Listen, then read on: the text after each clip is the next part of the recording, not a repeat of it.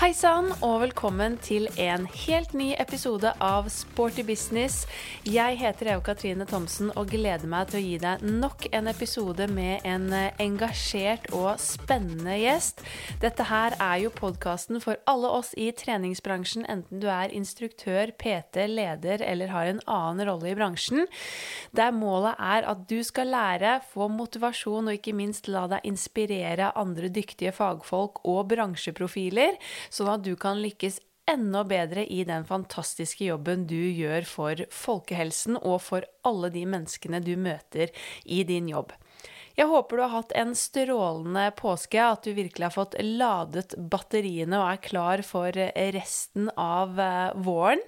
Jeg minner også om eh, de regionale samlingene som Virke aktiv eh, helse arrangerer denne våren hvor du kan eh, møte bransjeprofiler, få inspirasjon, faglig input og ikke minst bygge nettverk og møte andre i samme bransje.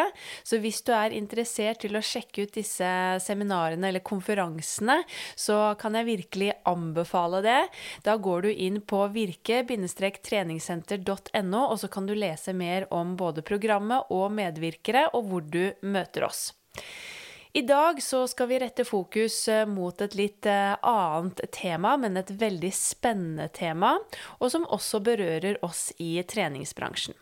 For i denne episoden så møter du Hege Danielsen. Hun er en eh, meget engasjert kroppsøvingslærer, og har også en egen Facebook-side som heter En eh, kroppsøvingslærers hverdag, hvor hun jobber med å spre kunnskap om hvordan kroppsøvingsfaget ser ut i dag. Hun har fokus på helse, både det fysiske og det psykiske. Hun inspirerer andre lærere til kreative undervisningsopplegg, og ikke minst fremme viktigheten av fysisk aktivitet og trening fra en tidlig alder. Vi ser jo fra forskningen at det helt klart er en eh, tendens og en klar eh, retning på at unge som er aktive, de blir ofte også aktive voksne. Og forskning har faktisk også vist at de som er i aktivitet i ung alder og gjennom ungdomsårene, de får også et eh, bedre humør. Det påvirker faktisk humøret vårt i senere alder, senere i livet, hvis vi er aktive når vi er unge. Så det er jo ekstremt viktig at uh, vi klarer å legge til rette for fysisk aktivitet og trening i ung alder, og ikke minst klare å motivere de unge til å finne liksom, glede og mestring i aktivitet. Og det er nettopp det vi skal dypdykke litt ned i i dag. Hege, som jeg nevnte, hun er jo veldig engasjert eh, knyttet til nettopp dette. Og mange har jo kanskje hatt litt sånne blandede eh, følelser knyttet til de gode, gamle gymtimene, men nå har det skjedd veldig mye på den fronten, og Hege skal fortelle oss mer om nettopp hvordan dette faget ser ut i dag. Vi snakker også om hvilke paralleller vi kan se mellom eh, treningsbransjen og kroppsøvingsfaget, og ikke minst hva vi i treningsbransjen kan lære av av eh, kroppsøvingsfaget og hvordan vi kan legge til rette for de unge i større grad. Og vi diskuterer også å reflektere rundt et mulig tverrfaglig samarbeid på sikt. Og selvfølgelig fokus på både psykisk og fysisk helse. Det er i sentrum. Så jeg gleder meg veldig til å dele denne praten med dere, så her er det bare å hente med seg masse inspirasjon. God lytt. Hjertelig velkommen til Sporty business, eh, Hege. Det er eh, skikkelig hyggelig å ha deg på besøk i dagens eh, episode. Vi har jo egentlig da møtt hverandre gjennom Instagram, noe som er litt ekstra morsomt, syns jeg. Og veldig hyggelig at du da har lyst til å komme og snakke om din store lidenskap, nemlig selvfølgelig fysisk aktivitet og trening, men satt i system inn i skolen og i kroppsøving. Så det gleder jeg meg til. Takk, og tusen takk for at jeg fikk eh, komme hit. Vi har jo som nevnt da hatt litt kontakt i sosiale medier, eh, og det er mye av grunnen til at du sitter eh, her i dag. Og jeg er jo superfan av alle som er genuint engasjert i fysisk aktivitet og trening, og ønsker å spre det til andre, og ikke minst bidra i folkehelsen. Så kan ikke du fortelle litt om din bakgrunn, hvem du er og hva du jobber med i dag? Ja, jeg heter da Hege, er 33 år. Eh, bor og kommer fra Oslo. Jeg jobber eh, som kroppsøvingslærer på en barneskole. Så jeg har jo da per nå elever fra første til sjette klasse. Og har da tatt eh, faglærerutdannelse i kroppsøving. Det var jo da Jeg tok en bachelorgrad, da, så jeg tok treårig utdannelse da. For ti år siden allerede. Huff. Tiden går. Tiden flyr. Hva vil du si er det beste med jobben din da, å jobbe som kroppsøvingslærer? Det beste vil jeg si å føle at man virkelig gjør en viktig jobb, da. At man eh, treffer, treffer noen både sånn personlig, men også det faglige, da. Og så, Jeg kommer til å komme mer inn på det senere, men jeg jobber jo mye med å møte forventninger fra elevene som ikke alltid stemmer overens med sånn faget skal være i praksis. da. Og det er jo ofte fra de litt eldre elevene som ofte har hatt ufaglærte kroppsøvingslærere tidligere. da. Så når jeg føler at jeg når igjennom til dem og på en måte føler at jeg klarer å endre litt tankegangen rundt faget, det er også noe av det jeg liker best. Da føler jeg virkelig at jeg lykkes og får boost til liksom stå i det som kan være litt vanskelig, da. Mm. Mm. Absolutt.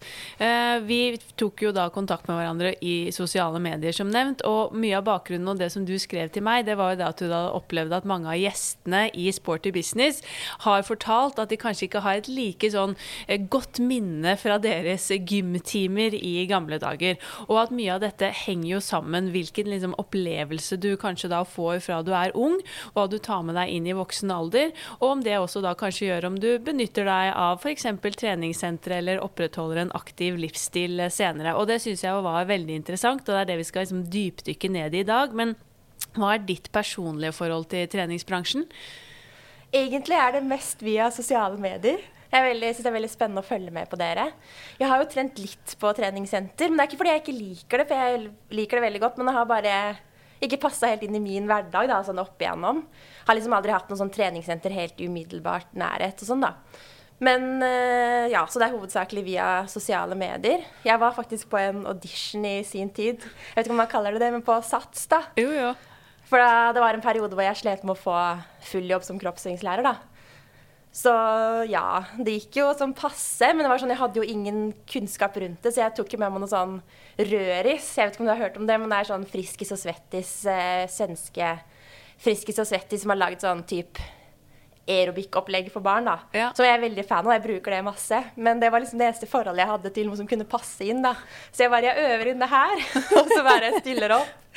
Så det var jo ganske tøft gjort når jeg tenker over det. Mm. Men det var jo ikke helt Det var litt sånn Ja, du, hvis du vil videre, så må du liksom ta satsskole og sånn. Da vet ikke Ja, det er kanskje sånn fortsatt, da. Men det var jo en god erfaring, da.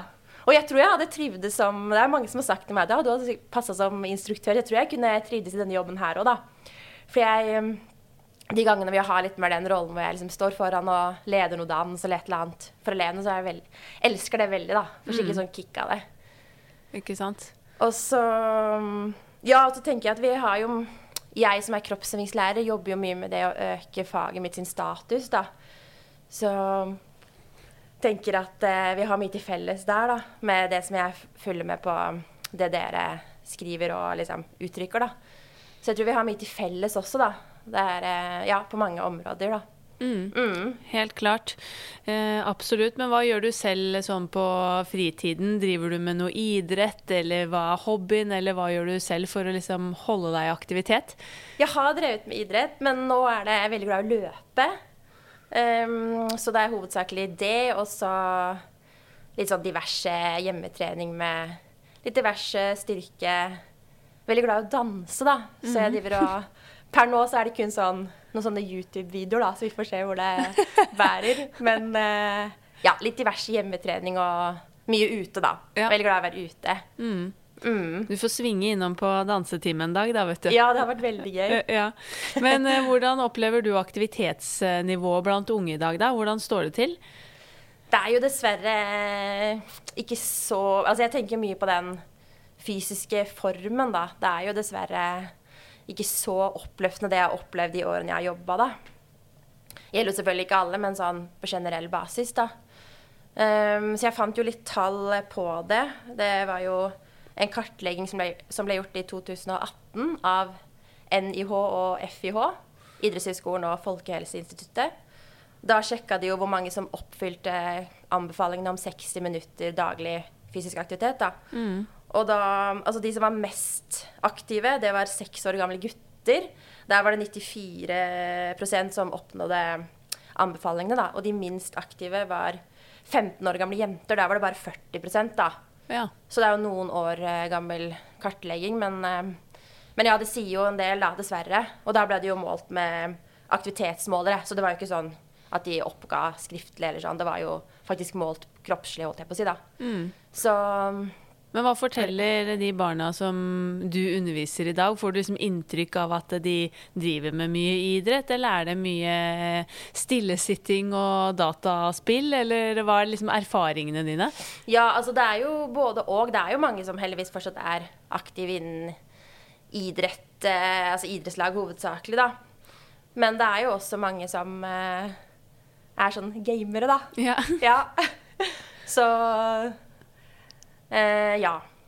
Så det er jo en eh, utfordring rundt det. Og så ja, det som vi snakket litt om her i stad. Og jeg tenker jo mye på Jeg tror en del av det også skyldes litt sånn det mentale Litt sånn mangel på liksom stå på, holdt jeg på å si. ja, Stå på-viljen, da. Når man kanskje har Ikke nødvendigvis er den fysiske formen er såpass dårlig, i gåseøyne, da, men at man kanskje mangler litt den derre viljen til å bare stå på når det begynner å bli litt sånn ubehagelig, da.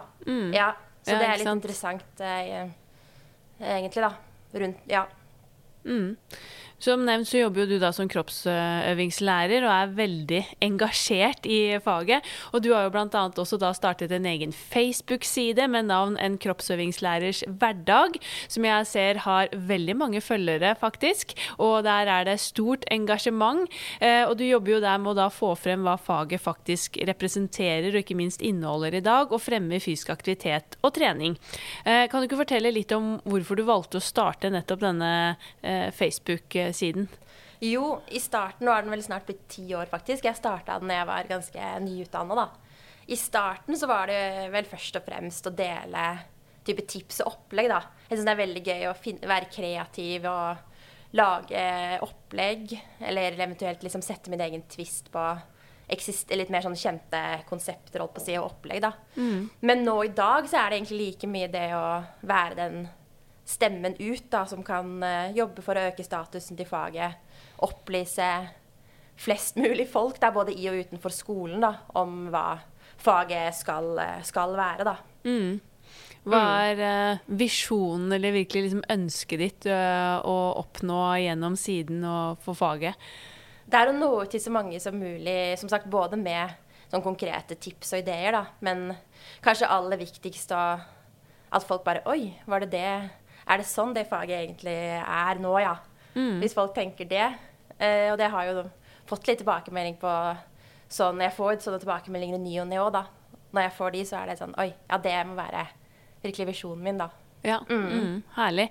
Men hvorfor mener du at det her er så viktig å dele? Jeg tenker jo sånn fysisk aktivitet i skolen, tipp topp. Vi har jo hatt uh, gym, som det het før, eller kroppsøving på timeplanen i alle år. Og du nevner jo også det å få frem statusen til faget. Og dette er et område som ikke jeg kjenner veldig mye til, annet enn liksom mine egne erfaringer som ung på skolen i kroppsøving. Men hva er det du tenker, liksom, hvorfor er det så viktig å dele dette? Og hva tenker du rundt det å liksom få frem statusen til eh, faget? Nei, det er jo mm, sånn rent skolesystemmessig, holdt jeg på å si, så er det jo et fag som ofte Det blir ikke prioritert, da. Det er jo veldig ofte at man har ufaglærte eh, lærere. Og da vil jo som oftest de ikke alltid sette seg så godt inn i læreplanen, da. Og ofte så blir det jo da OK, ja, men da velger man noe man er god på, da. For eksempel, ja, men jeg har jo drevet med idrett, da bare tar vi mye fotball, som vi f.eks. snakka om før vi starta her, da. Eh, og da blir det jo som oftest ensformig og eh, ikke i tråd med læreplanen og de ambisjonene vi virkelig har for faget, da. Mm. Helt klart. Ja. Det er uh, akkurat sånn som jeg jobber med innen gruppetrening. Det å få den uh, utdanningen og liksom faglige forankringen på plass i bånn. For det har jo alt å si for da utbytte for medlemmene på treningssenteret, eller da for barna Ja. uh, i skolen. Absolutt. Så det er det jeg tenker Det er veldig mange ganger jeg tenker at vi har jo absolutt mye til felles på tvers av disse Kall det bransjene våre, da. Ja. helt klart. Mm. Hvordan har responsen vært da, etter at du startet denne Facebook-siden? Det har vært veldig god. Jeg får jo ofte respons på ja, at det når fram til folk, da. Og at det betyr noe det betyr noe det jeg formidler, da. Mm. Både Eh. fra kollegaer og andre også på en måte innen skolesystemet. Ja, absolutt. Og så har det jo også ført med seg en del ting. Der blir jo håper jeg, oppdaget litt via siden, og så har jeg fått noen henvendelser, invitasjon til noen podkaster og litt sånn ulike opp oppdrag på en måte da, innen kroppsvingsfeltet. Altså, Så det er jo, det er jo veldig stas. Det var jo som en venninne av meg sa, at det er jo litt sånn belønningen for å være engasjert. Da. Det, er jo, det er jo sant, det. Man er jo Det er veldig fint da, at engasjementet på en måte høster litt frukter av det, da. Ja, Ja. Helt klart. Mm. Er det flere, uten at jeg kan noe om det, men er det flere ufaglærte på barneskole innen kroppsøvingsfaget kontra når du kommer opp på liksom ungdomsskole og videregående? Der er det vel eh, idrettsfaglærere, men hvordan vet du noe om det? Ja, nå husker jeg ikke helt de der eh, tallene. Jeg hadde de tallene i hodet en gang i tiden. Men ja, det blir jo Det, det er det jo. Det, det eh, blir jo flere og flere faglærte. Men jeg husker ikke helt tall på det, da. Nei. Men det, det gjør det jo. Eh, og det krever jo ehm, krever jo mer og Eller sånn i, på videregående og høyere opp, så vil de jo gjerne også ha mas... Altså eh, lærere som har mastergrad, da Ja. innen kroppsøving. Ja, så det gjør det. Men så er det også ofte det, er ikke det er ikke så vanlig at faglærere jobber på barneskoler heller, da. At de da ender opp høyere opp. Så det også er jo, er jo en Mange sier jo at, eller tenker jo at det er viktig at vi kommer inn der og da, fordi det er faktisk grunnlaget, da. Ja, at elevene i første klasse møter, møter faget sånn det det skal være, da. Ja, Mm. virkelig. Ja. Som jeg nevnte innledningsvis, så har jo jeg på en litt sånn opplevelse at eh, det er mange som ikke har kanskje de beste minnene fra gymtimene i gamle dager. Jeg vet mange, eller kjenner mange fra min generasjon eh, som har opplevd det, og jeg har møtt stadig også flere nå, både gjennom kurs osv., som har liksom sagt at å, jeg hatet gymtimene på, på skolen, men så har man funnet også da gleden i fysisk aktivitet og trening på andre måter senere, som er fantastisk. Eh, men jeg tror jo det er en del som sitter med sånn blandede minner eh, fra disse gymtimene. Eh, og mange kan jo også ha mistet liksom gleden av å faktisk være fysisk aktiv og ikke opplevd eh, mestring. Og jeg husker jo selv at det var enkelte ting som jeg syntes var helt pyton, og vi hadde masse friidrett, og jeg var ikke den største friidrettsstjernen eller talentet. Jeg er veldig god på å kaste, men det stoppet litt der. og så hadde vi liksom masse løping. Jeg var ikke kjempeglad i løping, og du ble jo hele tiden målt. Jeg husker vi hadde mye på en måte resultatbasert eh, baserte gymtimer. Men eh, hvordan er dette i dag? Er det mye prestasjonsfokus, eller hvordan ser kroppsøvingsfaget ut? Ja, heldigvis så har det så har det forandret seg, og din oppfatning er jo den oppfatningen veldig mange har, da. Eller det de husker. Vi fikk jo nye læreplaner for eh, De er relativt eh, nye, da. Og i alle fag, da. Og for kroppsøvingsfagets del så blei det da dette fokuset på idrett, prestasjoner og ferdigheter, det ble veldig tonet ned. Heldigvis. Det er jo ikke alle læ- kroppsøvingslærere som er helt enig i det, selvfølgelig heller, men, men for, eh, jeg personlig syns det er en veldig, veldig fin endring, da. Og mm, dette med ball som, du, som vi snakka om i stad, det er jo noe veldig mange husker fra timene. Var veldig ofte har det vært mye ballspill. Og mm, for å sette det litt sånn i perspektiv, da, så er det en sånn setning som jeg har hatt med meg siden jeg studerte. Var en av lærerne mine som sa det at kroppsøving det er jo ikke organisert idrett i skolen. Det gjelder jo ikke bare ballspill, men egentlig alt er idrett. For det har det ofte vært, da. Hvis man tenker tilbake, så hvis man da skulle ha f.eks. fotball da, som klassiker, så så jo ofte kroppsøvingsøkten også ut som treningsøkten, da. Men at når vi bruker det i kroppsøvingstimene, så har vi helt andre Eller skal ha helt andre mål og hensikter, da. Vi skal jo ikke skape noen gode fotballspillere, men vi kan jo bruke ball for å øve på andre ting, da. Som samarbeid eller koordinasjon, da. Så det syns jeg er en sånn fin måte å vise eh, liksom, hvordan det skiller seg fra hverandre, da. Idrett versus kroppsøving, da. Um, ja, også det, dette med Vi snakka jo litt om det her i stad. eh, alle husker vel det, eller i hvert fall på vår alder. Hun er jo, husker jo det testregimet, da. Det var jo sånn for meg òg. Det var jo, var jo mye tester, og det er sånn der standard. Ja, hvis du løper sånn og, eller tar så mange pushups, så får du den karakteren. Men det tester som vurderingsform, det er ikke, skal ikke være, eller være grunnlag lenger, da, heldigvis. Okay. Mm. Eh, Så er det jo ikke sånn at det, det er jo fint å kunne lære om tes testing, da. At man kan bruke det for å teste sin egen form og se om man forbedret seg. Men at man, man da bruker det med den hensikten, da. Ikke for å drive og rangere rangere folk, da. Og det er jo akkurat her veldig mange har fått den negative eh, oppfatningen og opplevelsen med faget, da, tenker jeg, da. Mm. Så mm, for å si litt om hva som er viktig nå, da, så er det mm, altså læ læringen og læringsprosessene da, som er viktige, og som er i fokus. Det å øve på ting. Um, altså viktigheten av innsats, innsats er veldig relevant i kroppsøvingsfaget. Um, dette med å jobbe mot mål. Um, og så evaluere og reflektere rundt, rundt læringen sin da, i faget. Det er Mhm. viktig nå. Uh, og det gjelder jo egentlig litt eh, alle fag i skolen, men det er mer sånn over mot liksom at elevene er mer aktive i egne lære, læringsprosesser. Da. Tradisjonelt så er det jo også i kroppsøving spesielt. Da. Ofte har vært liksom læreren viser og forklarer på en måte noe som er sånn perfekt, da, og så skal elevene her liksom herme. da. Men det er heldigvis en dragning bort fra det, og nå er det mer sånn ja, øver og utforsker, og, og læreren og eleven kan også øve og utforske sammen, da. Mm. Og det, jeg husker som nyutdanna så var jeg jo veldig nervøs. Jeg husker jeg bare Å nei, hva skal jeg Nå, det, nå har jeg liksom tatt opp fotball, da, og jeg det er ikke noe som jeg har mestra så godt, selv om jeg har en kort karriere. så jeg synes, Ja, jeg var så nervøs, og da var jeg jo bare rett over 20 år, så kom inn der og jeg tenkte å nei, jeg er ikke noe godt eh, sånn øvingsbilde, da.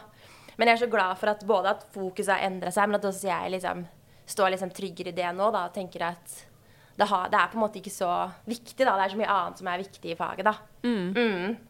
Absolutt. Så mm, ja. Og så det med Det er jo ikke noe nytt, for så vidt. Det har jo alltid vært sånn. Men dette med sosiallæring, da. Sam, lære, lære seg samarbeid. Respektere hverandre, respektere uliker og sånn. Det er også en veldig viktig del av faget, da. Mm. Du nevnte målsettinger, eller at man skal jobbe mot mål. Kan du si litt om altså, hva slags type mål er det? Ja, altså jeg setter jo eh, prøver å ha, ha liksom et mål før hver time. Jeg syns det er lettest med de eldre. Med de yngre så blir det litt eh, vanskelig å på en måte flette det inn, da. Men eh, det kan jo f.eks. Eh, være det å prøve å Altså når vi gjør, når vi gjør noe i timene, så prøver jeg å eh, sette liksom røde linjer til, til eh, livet for øvrig, da, f.eks. med innsats. da, At du skjønner at ok, ja, men innsats her har ikke bare betydning her, men det har liksom betydning resten av skolehverdagen og livet, livet for øvrig. da. Ja. Også når vi gjør Vi har jobba mye med å sette liksom litt ord på ulike begreper, da, f.eks. utholdenhet og styrke og koordinasjon. da, At de vet litt hva det innebærer, og at når vi gjør forskjellige ting, at vi har prøvd å liksom kategorisere det litt. da. Ja, så vi på en måte vet at ok, det vi gjør nå, hva, hva kan det liksom passe inn under, da? Ja, og så prøver vi å liksom undres litt rundt det, da. ja. Og så tenker som en sånn fin start på det med å For de skal jo også lære om, om trening og liksom, ja, hvordan de kan legge opp egen trening, da. Så det Det tenker Ja. jeg er veldig Mm. fint, for det er jo veldig mestringsorienterte mål, fremfor at man da skal jobbe mot noen resultatbaserte mål som tall eller prestasjoner. Ja. Og veldig fint det du nevner med å kunne trekke liksom linjer til hva man kan ja, få ut av det, og egentlig bruke det ellers, da, som selvfølgelig ikke er like forståelig for de minste barna, men at man kan begynne å kanskje liksom så noen frø i, hos de litt eldre. Og så tenker jeg for de som jobber med mm, altså unge på ungdomsskolen og videre på videregående, så er jo det kjempeessensielt. Eh, hva kan du faktisk få ut av dette, og hvilke kvaliteter, hvilke egenskaper kan du eh, opparbeide deg, utvikle deg innen, som du kan få bruk for ellers i livet. Så det syns jeg er et eh, kjempefint eh, poeng. Men hvor stort fokus er det på helse da, i kroppsøving i dag, både fysisk og ikke minst psykisk? Når jeg gikk, altså Det jeg selv da husker fra gymtimene, så var det eh, idrett og, og på en måte spill på en eller annen måte. Eh, Vi snakket mer om det på videregående, men ikke så veldig mye og svært lite om fysisk aktivitet knyttet opp til psykisk helse. Men jeg kan ikke huske at jeg har lært så veldig mye om dette opp gjennom mine år på, i, skole, i, skolen. Nei, det er heldigvis eh, stort fokus på det. Og eh, med de nye læreplanene som jeg nevnte, så kom det såkalte tverrfaglige temaer. De går jo da i alle fag, da. Og da ble det jo innført noe som heter eh, folkehelse og livsmestring, da. Så det skal jo være gjennomgående i alle fag. Så det også er en veldig fin eh, eh dragning, da. Eller ja. Eh, så ja, nei, så det er jo absolutt eh, stort fokus på det. Og som du sier, det med at de også blir bevisst på den sammenhengen mellom fysisk og psykisk helse, da.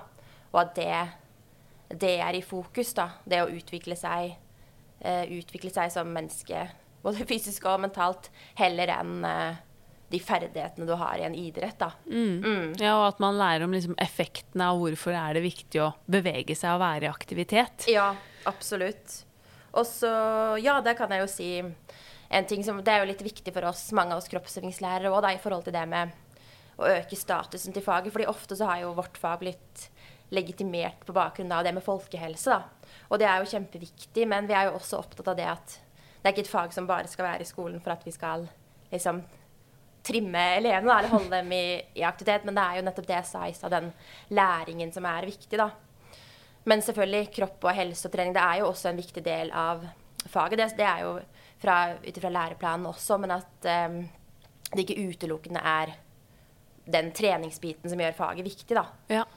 Så det ja, det er viktig for oss å få fram, da. Mm. Mm. Hvor mye kroppsøving er det i skolen i dag? Eller hvor, hvor, mange timer er satt av til fysisk aktivitet? Det er litt forskjellig, men totalt sett så er faktisk kroppsøving det tredje største faget i skolen. Eh, mener jeg å si. Det er jo fordi Det er jo ikke mange timer i uka, men det er jo et av de få fagene som elevene har eh, hele skoleløpet ut, da. Så, men uh, det er litt forskjellig timeantall også fra trinn til trinn, da. Men sånn uh, Det er ingen som har flere enn to timer kroppsøving, i hvert fall ikke på barneskolen der jeg jobber, da, i uka, da. Mm. Men i tillegg så er det noe som heter fysisk aktivitet, da. Som ble, kom inn for noen år siden på bakgrunn av en sånn type kartlegging som jeg nevnte i stad. Som da er, der er det ikke noe læreplan, men det er kun, kun som et tiltak for å ja, gjøre Eller holde øke aktivitetsnivået da, i mm. skoletiden. da. Men så er det jo litt sånn som vi igjen var inne på i stad, det, det, er jo kjempebra tiltak, da. Men så er det nok kanskje ikke tenkt så, eller det er ikke tenkt så nøye over hvem er det som egentlig skal ha det, dette, da. For da blir jo det ofte ufaglærte, da. Mm. Eh, så da kan jo det Jeg vil jo gå så langt til å si at da kan jo det faktisk gjøre mer skade enn eh, en nytte, da. Ja, ja, jeg skjønner. Hvis det blir lagt opp på en måte som uansett ikke treffer de som kanskje trenger det mest. Mm. Mm. Man ser jo også av forskningen at man lærer jo faktisk ofte veldig effektivt når man er i aktivitet. Eh, hvordan er det i skolen i dag? Vet du, Er det mange som er flinke til å liksom begynne å trekke inn litt mer aktive læringsformer i andre fag, eller at man er ute og lærer, eller er det fortsatt veldig mye på en måte kall det gammeldags skoleundervisning, hvor man sitter på pulten og følger med på læreren foran. Nei da, det er heldigvis Det var bra du kom inn på det, fordi det også er noe jeg brenner veldig mye for. da. Fysisk aktiv læring, det er jo en læringsmetode, da. Der du nettopp bruker fysisk aktivitet i de mer teoretiske fagene, da. Så det sånn eh, Det brenner jeg også for i tillegg til kroppsøvingsfaget, da. Og nei, heldigvis så er det absolutt på vei dit. Veldig mange lærere er veldig flinke da, til å la elevene ha mer aktiv læring, utforskende læring. Det trenger jo ikke nødvendigvis å være sånn at pulsen må øke, men bare det å komme seg ut da, og få liksom mer eierforhold til, til eh, læringsstoffet, da. Så det er også noe jeg brenner for på min arbeidsplass, og også ut via den Facebook-siden min, da. Mm. Men når du så. tok uh, din utdanning som lærer, var det noe fokus på det da, for ti år siden? Nei, det, nei, ikke som jeg kan huske, men nå tok jo jeg kun også kroppsøving, da. Så der ja. var det jo uansett på en måte Skjønner. bevegelse. Men det har nok kommet uh, mer og mer med årene, da. Ja. Så er det um, noe som heter Senter for fysisk aktiv læring, da, som kurser de, Altså du kan, skolene kan inngå samarbeid med dem, da. Så det skal jo min skole gjøre nå til høsten, da. Eh, så det ser jeg veldig fram til. Men da, vi, da får vi studiepoeng og blir liksom kursa via dem, da. Ja. Så det å på en måte få tatt den, den lille utdannelsen på jobb, på jobb da. Mm. Så det er mange Det er mange som er veldig engasjert og gjør en god jobb rundt det òg, da. Så det Og du ser jo virkelig hvordan elevene Så det gjør så godt for så mange, da. Ja. Og det er jo så mange som Eller alle trenger jo det, men noen spesielt trenger bare det å få reist seg litt og få kombinert teori og praksis, på en måte, da. Mm. Helt klart. Mm. Ja, det er kjempeviktig, så det er godt å høre at uh, det er på vei mer og mer inn i skolen, for det tror jeg også er uh, ekstremt viktig. Uh, men hvor viktig tror du det er å skape liksom, gode vaner knyttet til dette med å være fysisk aktiv og liksom, finne glede og mestring i aktivitet fra du er ung? Hva tenker du selv, litt sånn erfaringsbasert, men også om du kjenner til noe forskning på området knyttet til det å da få en god opplevelse på barneskolen allerede, og hvordan det påvirker deg til også da kunne ha et aktivt voksentliv? Jeg tror, jeg kjenner ikke til noe forskning, dessverre, men jeg tror uh, tenker jo at det er veldig avgjørende, da. Og uh, i en del av um, måte, formålet med hele kroppsøvingsfaget også er jo nettopp å inspirere til livslang bevegelsesglede. Da. Det liksom lyder så fint. og for å klare det, så må man jo må, må, man jo få fram mestringsfølelse og glede hos elevene. Og ja, tilpasse undervisningen og tenke på alle de tingene som ble nevnt i stad. Mm. Litt sånn i kontrast til hvordan det har vært. da. Så jeg tenker jo at det er absolutt eh, helt avgjørende. Og så igjen så har jeg jo fulgt med på Det er noen i bransjen din også som eh, har begynt å trekke liksom paralleller da, til, til eh, den opplevelsen man har hatt tidligere. og at de kommer og ikke har noe godt forhold til eh, trening i det hele tatt. At de nesten må begynne litt på scratch igjen, da. Mm. Mm. Ja. Så jeg tenker at det er veldig, veldig viktig. Og bare sånn rent uh, fra et sånn idrettspsykologisk uh, perspektiv, og så er jo altså dette med mestringsfølelse og mestringstro er jo helt essensielt for at du skal fortsette med ting og liksom vedlikeholde motivasjonen. Og da tenker jeg at hvis du har følt deg som en fiasko da, på alle gymtimene gjennom hele barneskolen, uh, så sier det seg selv at da har du ikke med deg gode erfaringer i bagasjen som gjør at du får veldig lyst til å fortsette med det videre. Og jeg vet jo at det er forskning som tilsier at man ser at aktive barn ofte blir også aktive voksne. Og jeg tenker Hvis du kanskje også ikke har en familie som er så aktiv, så kan du i hvert fall lære det gjennom skolen. Eller så kan du få introdusert bevegelse, turer, aktivitet, hva enn det måtte være. Som også kan vekke da interesse til barnet eller den unge.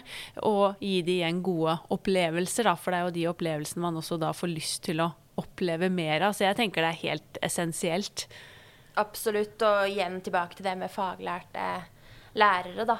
Det vil jo også her være avgjørende, da. At du satser på at lærerne har kompetanse og For det er jo vanskelig å ha den gjennomtenktheten rundt hvordan du legger opp timene hvis du ikke har fagkunnskapen, da. Helt klart. Ja. Det gjennomsyrer jo det meste, og som eh, du nevnte tidligere, så snakket vi litt om det før vi satte på record-knappen her i dag. Dette med at eh, jeg bl.a. har opplevd ekstremt mange timer med fotball ja. i gymtimene, hvor jeg tenker at jeg tror ikke det står så mye fotball på i læreplanen, eh, men det var veldig enkelt kanskje å la oss spille fotball. Eh, og hvis du da ikke mestrer fotball eller føler deg hjemme der, og halvparten av kanskje klassen vanligvis går på fotball også, er mye flinkere enn deg, så blir det jo også veldig skjevt når man da ikke får utforske f.eks.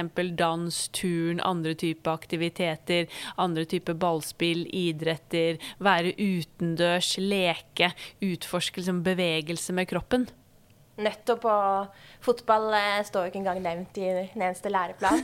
så det er jo kun eh, eh, altså hva læreren legger i det. Men det er klart det står jo om eh, idrettsaktiviteter, da, men det kan jo være så mangt. da. Mm. Så det er jo også en tankevekker. da, At det bare har blitt en tradisjon for veldig mange, og så bare eh, kjører man på. da. Og det du sier jeg er jo veldig glad i dans. Jeg er jo ikke i nærheten av ditt nivå, men jeg syns det er veldig Alle veldig, kan danse. Alle kan danse, men det er mitt motto også. Alle kan danse. Eh, og ja, dans og friluftsliv, da. Det er jo mange som, som er liksom elevene som er sånn Oi, ja, men det her er jo ikke kropps- eller gym, som de ofte sier, da. Det her er jo ikke gym. Så bare OK, jo ja, det er det jo absolutt i høyeste grad. Men det er jo ikke så rart, eh, rart at de tenker det heller, da. Når de, hvis de da ikke har opplevd det før de kanskje nærmer seg slutten av barneskole, da. Mm. Men hva er liksom dine største ønsker for faget videre da, og i fremtiden? Nei, det er jo at alle Nå går det jo heldigvis riktig vei, men det er jo det å, å For mange lærere som har jobbet en stund, å faktisk endre praksis også, da. Selv om det står der eh, på papiret, på en måte, der i læreplanen, da. Så det er jo mitt største ønske at det skjer fort. At alle på en måte slenger seg på og, og legger bort det der fokuset på tider og tester og Men har, har mer de sunne, gode Det sunne, gode fokuset, da, på faget. Um, ja, og at igjen eh, den stemmen som jeg prøver å ta liksom litt ut i det mer eller mindre offentlige, da. Ja, det skal eh, hjelpe å la prosessen gå litt fortere, da. Mm. Absolutt. Men du jobber fulltid som kroppsøvingslærer, så det er kun det du underviser i? Ja, Ja. Jeg, eh, det stemmer. Jeg er jo, siden det er barneskole, så er jeg jo håper å si, Jeg har noen timer som ikke er kroppsøving, men det er jo stort sett altså, på en måte sånn i tillegg til en annen lærer, da. To, den andre læreren. Og da har jeg jo for det aller meste mitt fokus på nettopp fysisk aktiv læring, da. Ja. Så det er jo helt gull, da. For da Det er jo vinn-vinn, det. Men er det Ja. vanskelig å få jobb med fokus kun på kroppsøving? F.eks. i barneskolen, vet du det? Er det liksom, ender det opp med at folk ofte da må undervise i masse andre fag i tillegg? Ja, det er dessverre veldig vanskelig. Jeg brukte jo eh, Ja, altså jeg ble jo ferdig i 2012, da. Så jeg, og i 2019 så fikk jeg min eh, første faste fulle stilling. Ja. Og da hadde jeg liksom holdt på hele den tiden. Men folk må ikke bli skremt, da, hvis noen eh, spirer, kroppsøvingslærere spirer hører på. Ja. Så, men ja. Så de det er jo på en måte, vi ble, Men det ble vi jo anbefalt da jeg studerte òg. Var det sånn ta gjerne, ta gjerne flere fag, da. Men jeg liksom brenner jo så veldig for det ene faget, da. Det er liksom virkelig det jeg brenner for. Men etter at jeg ble mer over på den fysisk aktive læringsbiten også, så føler jeg også at noen flere dører har åpna seg. Selv om jeg ikke har den formelle kompetansen, så har jeg i hvert fall kompetansen rundt deler av det, da. Ja. Ja.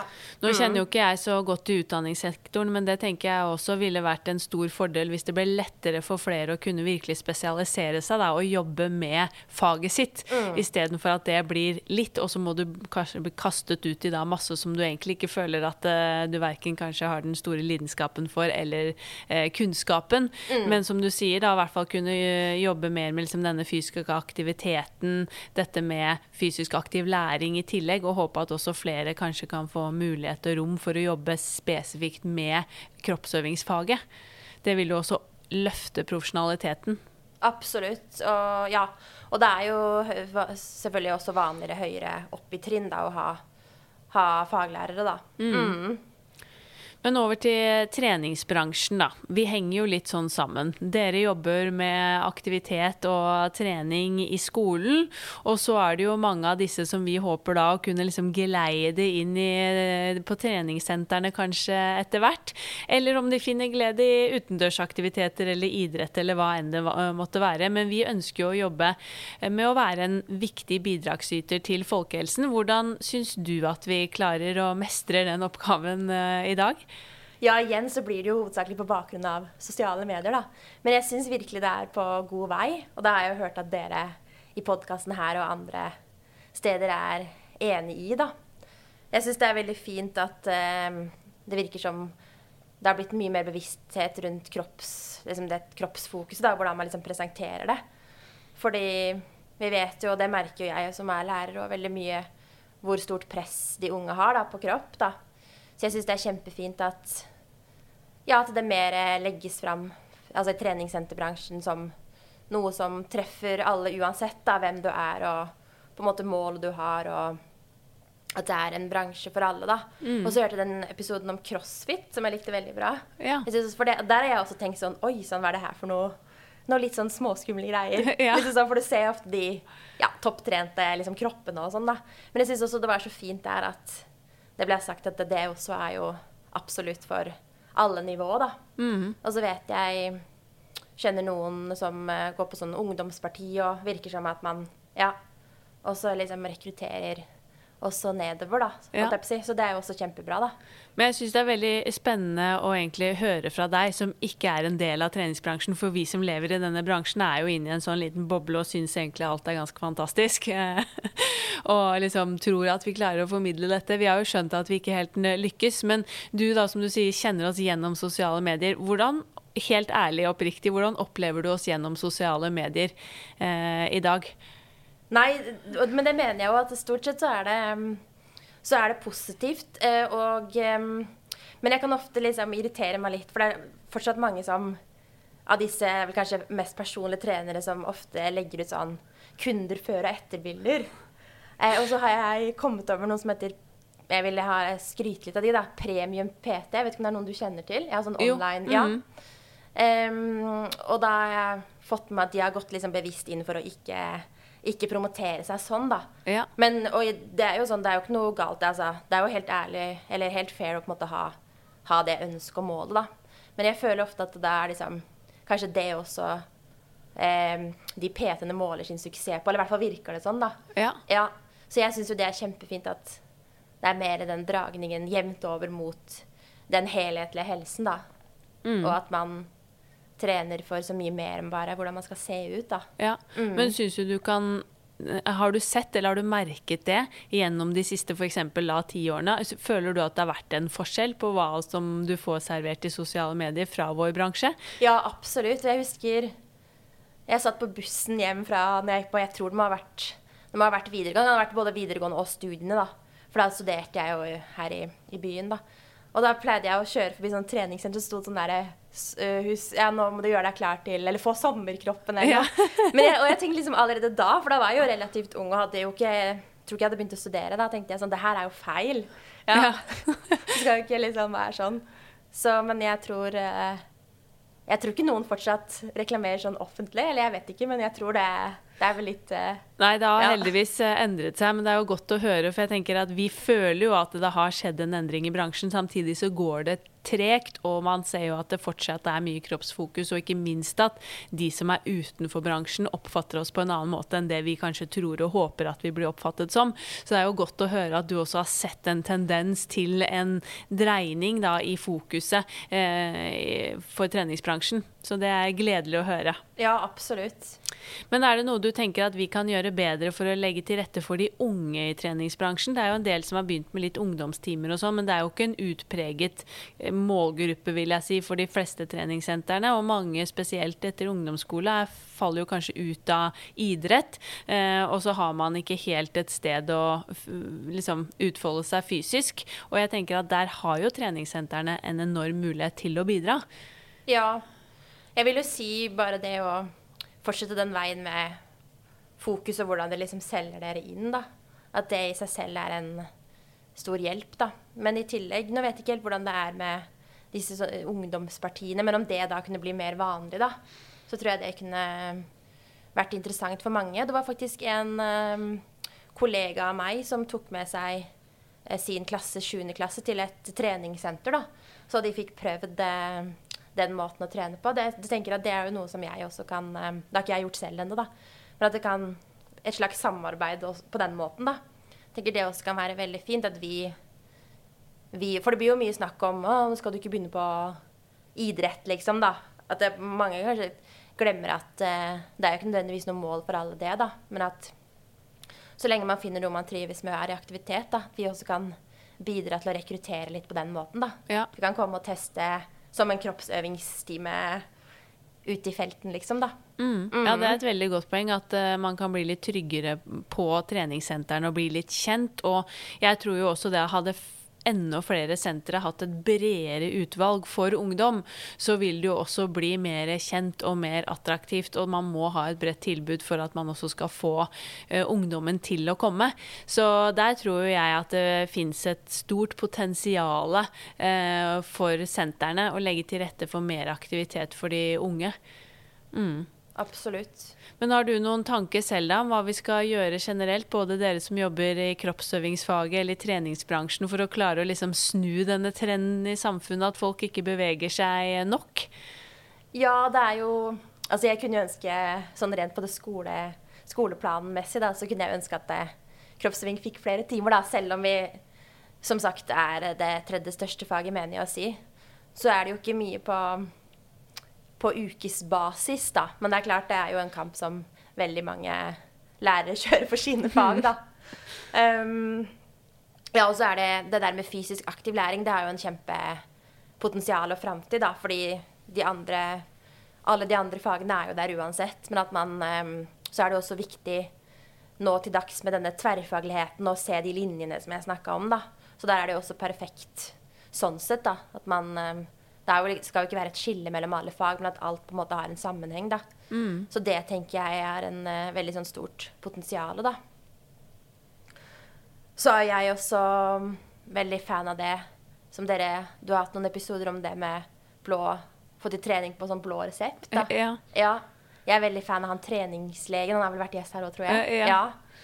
Sånne type ting. Egentlig er det jo veldig rart at det ikke er sånn det blir litt vanskelig å forstå at det ikke allerede er sånn, da, egentlig.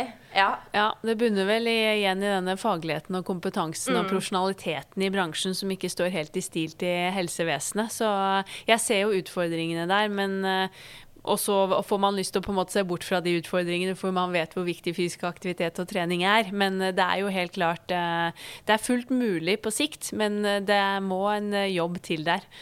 Mm. Ja.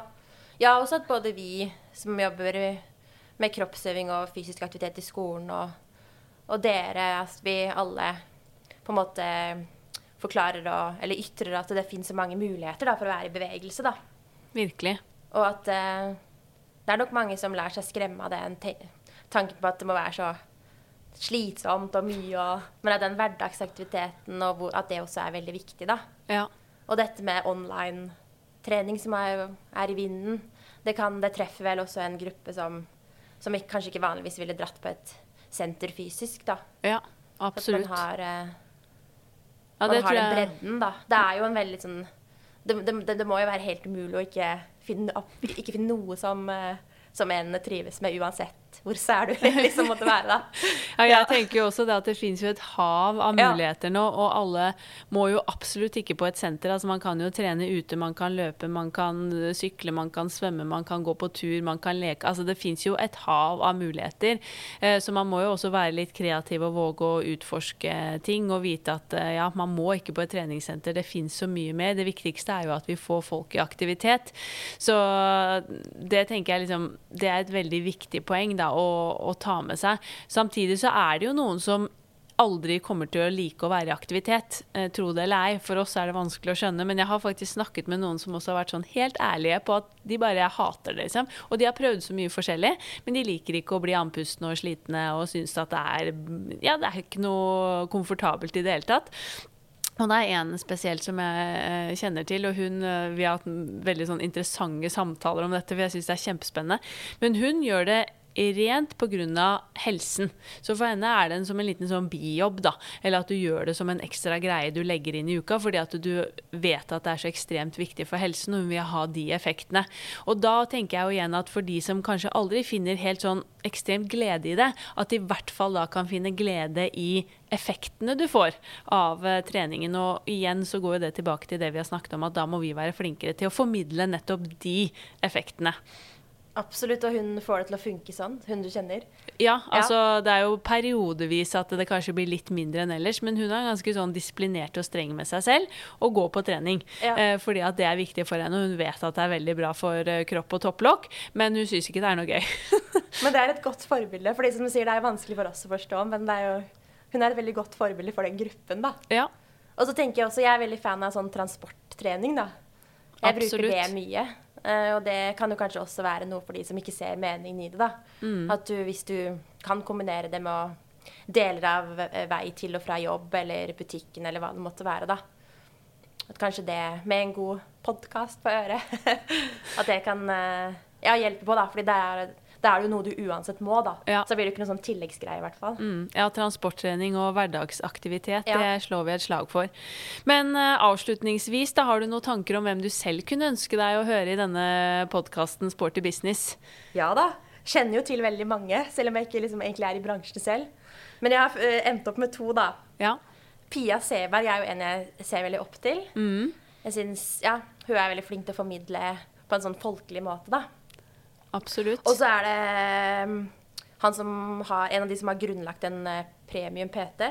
Han heter én PT-Dan. Han heter Dan, Dan et eller annet. Ja. Um, og så vidt jeg har fått med meg, så lurer jeg på om han også Jeg tror han studerer til å bli kroppsøvingslærer. Ja. Så det er jo helt gull, da. Spennende. Så, så det hadde vært veldig Og han er jo Eller begge de er jo egentlig sånn gründertyper også, da. ja. Ja. Så det, det er mine to ønsker, da. Ja, Ja. veldig gode tips. Da kan jeg røpe også at uh, Pia har jo uh, si, stått på listen, og vi har vært i dialog, så jeg håper at uh, det snart blir en episode der også. Og så veldig godt med et nytt, spennende tips. Men tusen hjertelig takk for en superhyggelig og ikke minst inspirerende prat, og veldig gøy at vi kom i prat og fikk løftet frem også dette temaet her, som er ekstremt viktig for folkehelsen. Og jeg håper jo også at vi kan klare å få til mer tverrfaglig samarbeid, eh, treningsbransje og skole etter hvert. Så tusen hjertelig takk, Hege. Tusen takk for at jeg fikk muligheten. Takk for at du lyttet til nok en episode av eh, Sporty business. Jeg håper også dette var inspirerende å få innsikt i litt, noe litt annet enn treningsbransjen, og også veldig spennende å høre Heges tanker om hvordan hun oppfatter oss i treningsbransjen, og hva hun tenker kan være mulighetsrommet for oss i eh, fremtiden.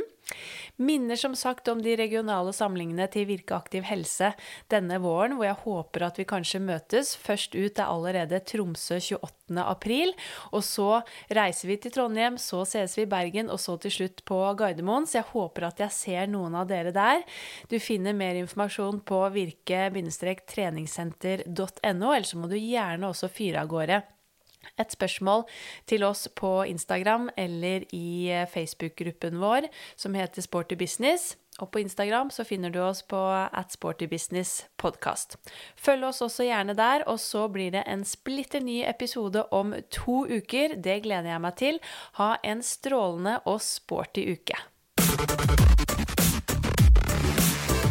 Denne podkasten produseres av Inspartum Akademi og North Stories.